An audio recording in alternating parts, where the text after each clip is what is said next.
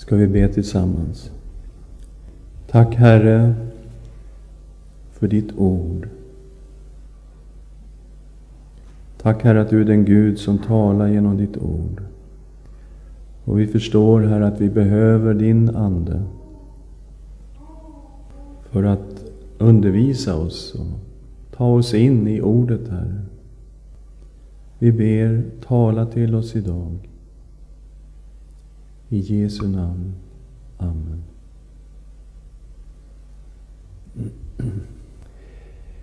Vi står inför ett eh, jättesvårt bibelavsnitt. Åtminstone har jag alltid tyckt det. Och eh, eh jag har försökt undervisa det här bibelavsnittet förr och aldrig tyckt att jag gjort det rättvisa. Eh, och det har lite att göra med att vi tittar in i Gud, gudomen. Och vi rör oss på ett plan som eh, det mänskliga sinnet har svårt att följa med.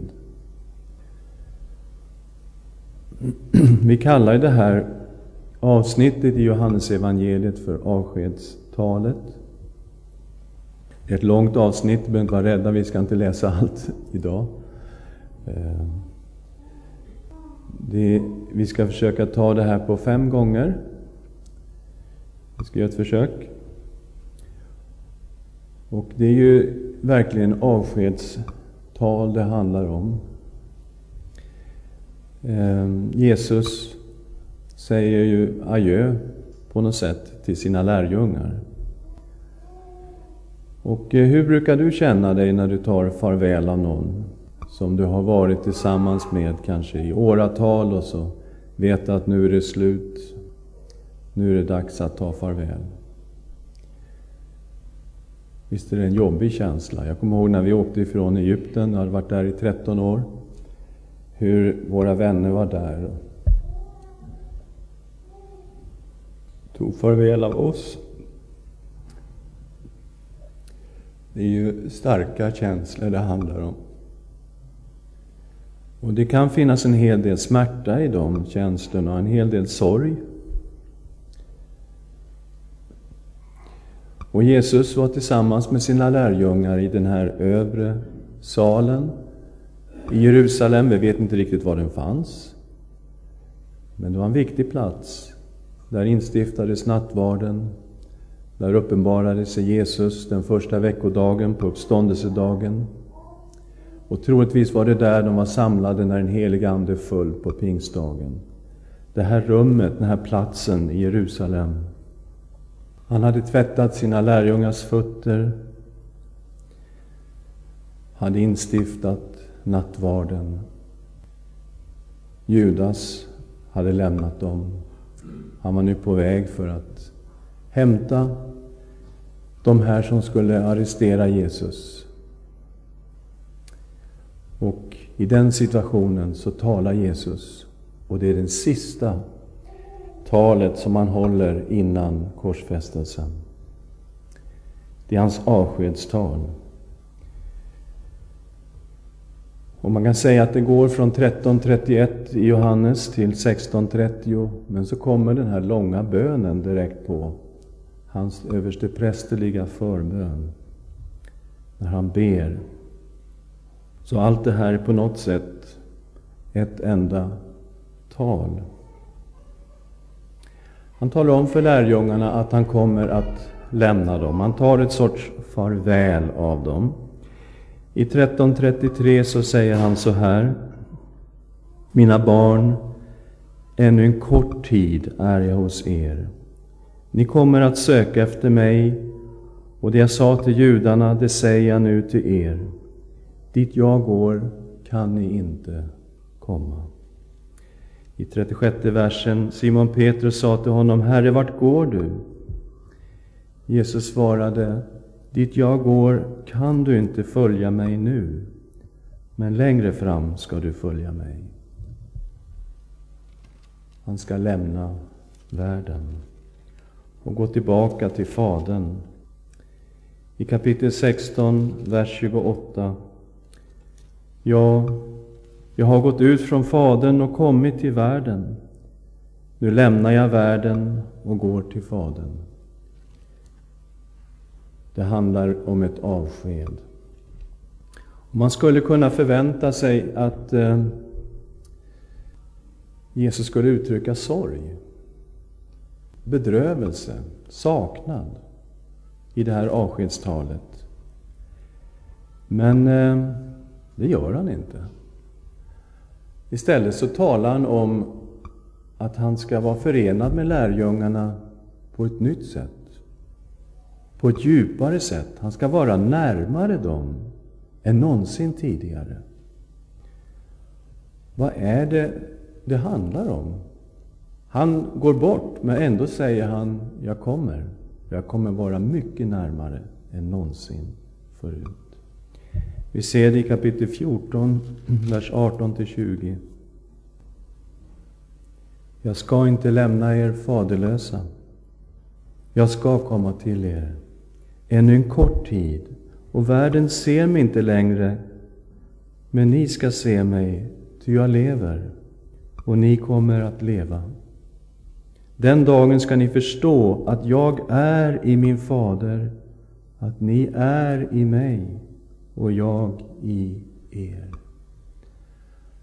Det verkar inte vara någon sorts separation här, tvärtom. Alltså, jag kommer ju till er och vi kommer vara så nära varandra som aldrig förr. Ni i mig och jag i er. Kapitel 15, vers 4. Förbli i mig, så förblir jag i er. Liksom grenen inte kan bära frukt av sig själv, utan endast om det förblir i vinstocken, så kan inte heller ni det, om ni inte förblir i mig. Tala om relation, tala om närhet, en gemenskap som verkar närmast organisk. I sin bön i 1726 säger han så här. Jag har gjort ditt namn känt för dem, och jag ska göra det känt, för att den kärlek som du har älskat mig med ska vara i dem och jag i dem. Gemenskap, enhet, närhet, förening. Vad handlar det om? Vad är nyckeln här?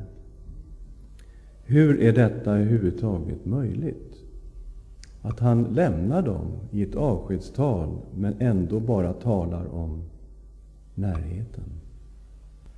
Ja, nyckeln är den helige Ande. Det är Anden som kommer att göra hela skillnaden och göra att det här som man talar om blir möjligt. Så Jesus, han kommer alltså att lämna dem han går till sitt förhärligande.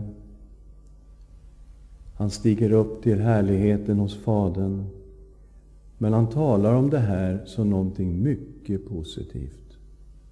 Någonting som lärjungarna borde vara glada över. Han säger i kapitel 16, vers 5-7. Jag går nu till honom som har sänt mig, och ingen av er frågar mig vart jag går.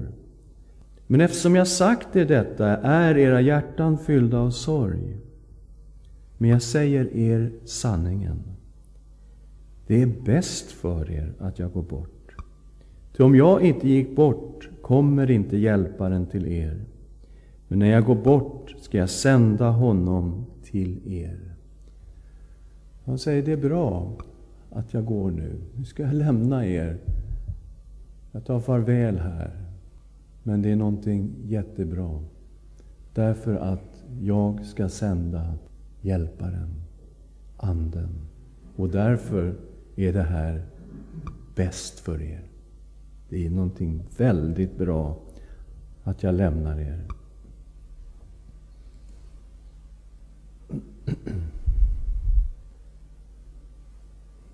När vi går in i just avskedstalet mm, går också in i gudomens enhet och mysterium. Gud är genom hela skriften en. Hör Israel, Herren vår Gud, Herren är en. Femte Mosebok 6 och 4. Och när Gud är en så talar vi om enhet, men också variation i gudomen. Vi talar om Fader, Son, Helig Ande i en enda Gud. Och det finns en fullkomlig enhet och en fullkomlig harmoni i gudomen. Gud verkar hela tiden som en enhet, men det finns också en variation i gudomen. Vi ser det vid Jesu dop i Lukas kapitel 4, eller kapitel 3, förlåt. Lukas 3, 21.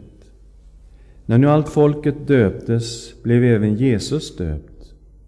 Och medan han bad öppnades himlen och den helige Ande sänkte sig ner över honom i en duvas skepnad.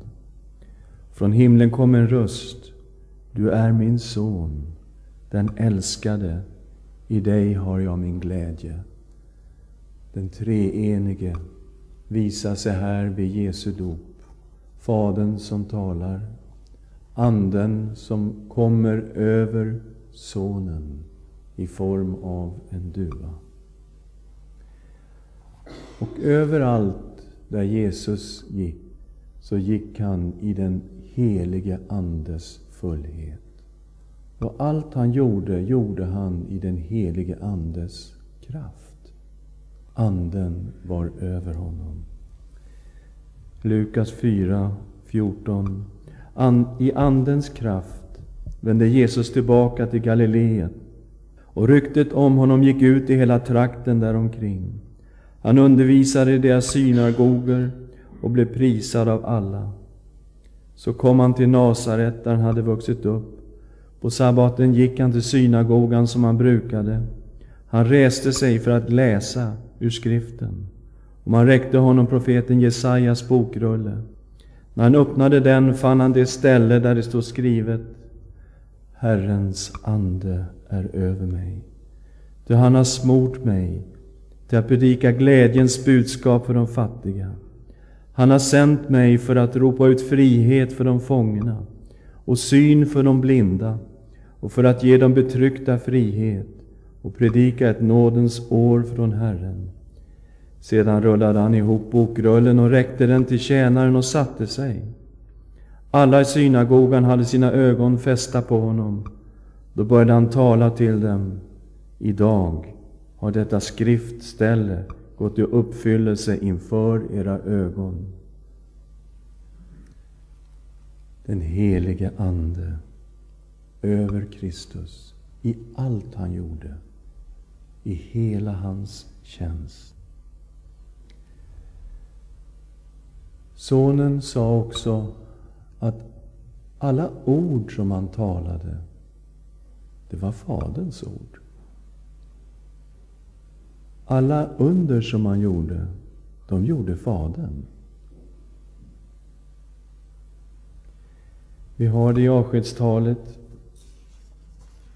i kapitel 14, vers 8 till 11. Filippus sa, Herre, låt oss få se Fadern, så räcker det för oss. Jesus svarade, så länge har jag varit hos er, och du har inte lärt känna mig, Filippus. Den som har sett mig har sett Fadern. Hur kan du säga, låt oss se Fadern? Tror du inte att jag är i Fadern och Fadern är i mig? Det ord som jag talar till er talar jag inte av mig själv. Fadern förblir i mig och gärningarna är hans verk.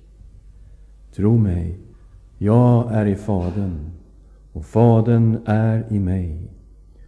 Om ni inte kan tro det, så tro för gärningarnas skull. Fadern i Kristus. Han var i själva sin person en uppenbarelse av Gud.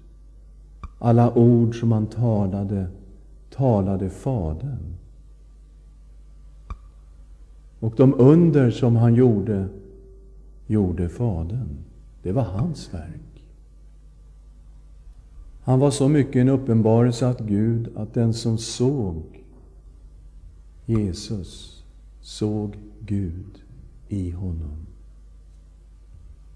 Så i varje mirakel, i varje undervisning som Jesus gav, så verkade Anden och Sonen och Fadern. Gud verkade, den treenige, i allt vad Jesus sa och gjorde.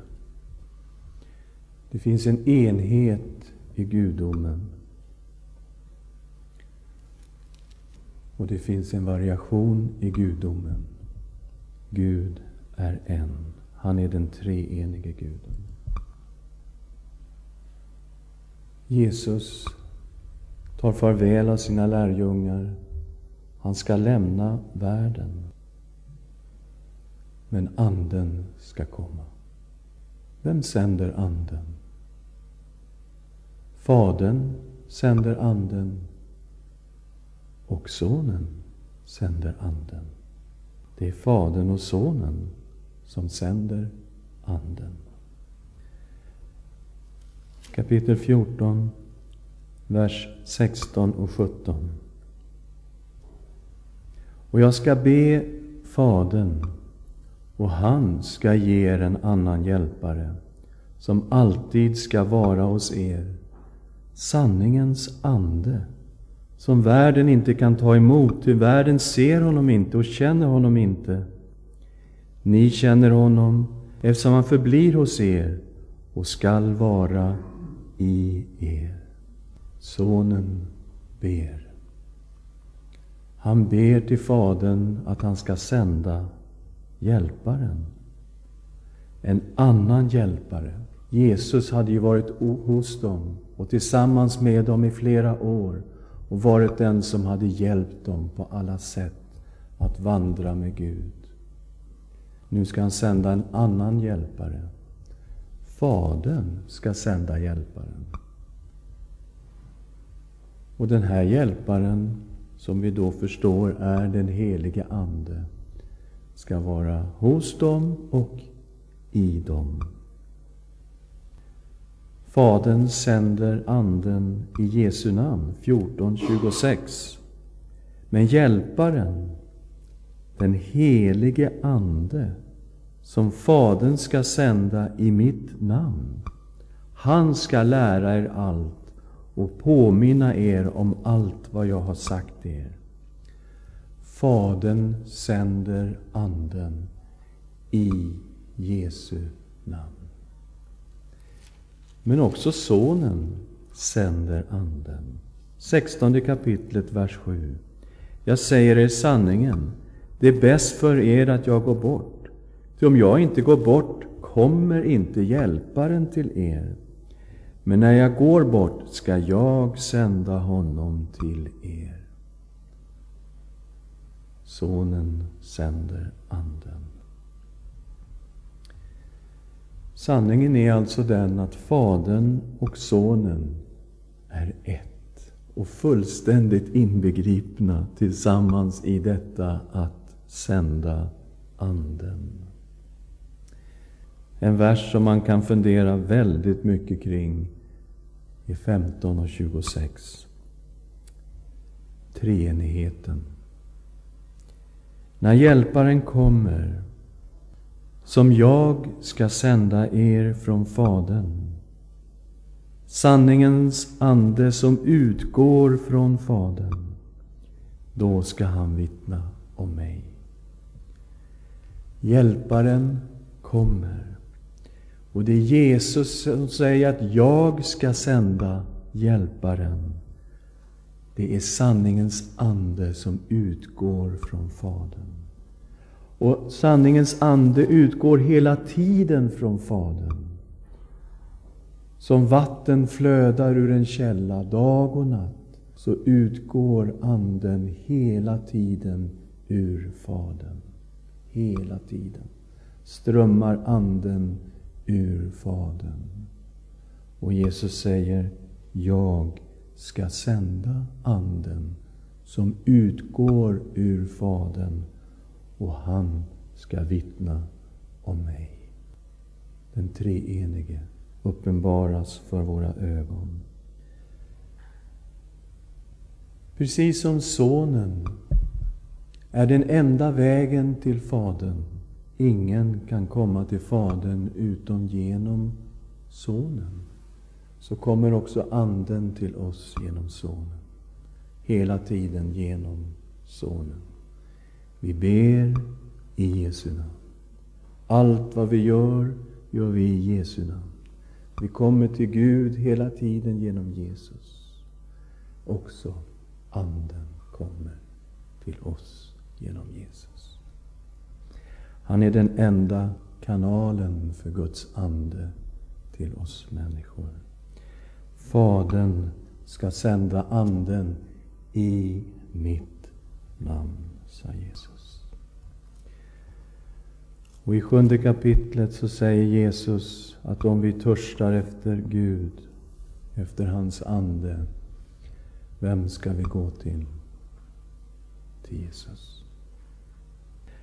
På den sista dagen, den största, i högtiden stod Jesus och ropade Om någon törstar, så kom till mig och drick.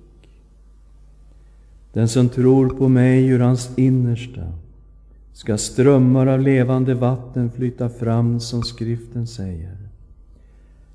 Detta sa han om Anden som de skulle få som trodde på honom. Ty Anden hade ännu inte blivit utgjuten, eftersom Jesus ännu inte hade blivit förhärligad. Törstar du efter Gud? Jag gör det. Vart går vi? Gå till Jesus. Kom till mig. Om någon törstar, så kom till mig och drick. Den helige Ande som utgår ur Fadern, som Sonen har sänt, kommer till oss genom Jesus. Han är den enda kanalen för Guds ande till oss människor.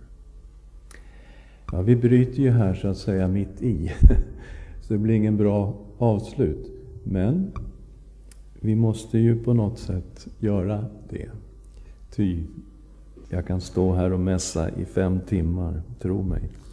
Men jag ska inte göra det. Så vi ska avsluta här och be tillsammans. Herre, vi vet att vi tittar in i mysterierna i dig, i ditt inre, när vi ser in i detta avskedstal. Vi förundras över att du lovade lärjungarna att du skulle komma till dem, vara i dem, förenade med dem.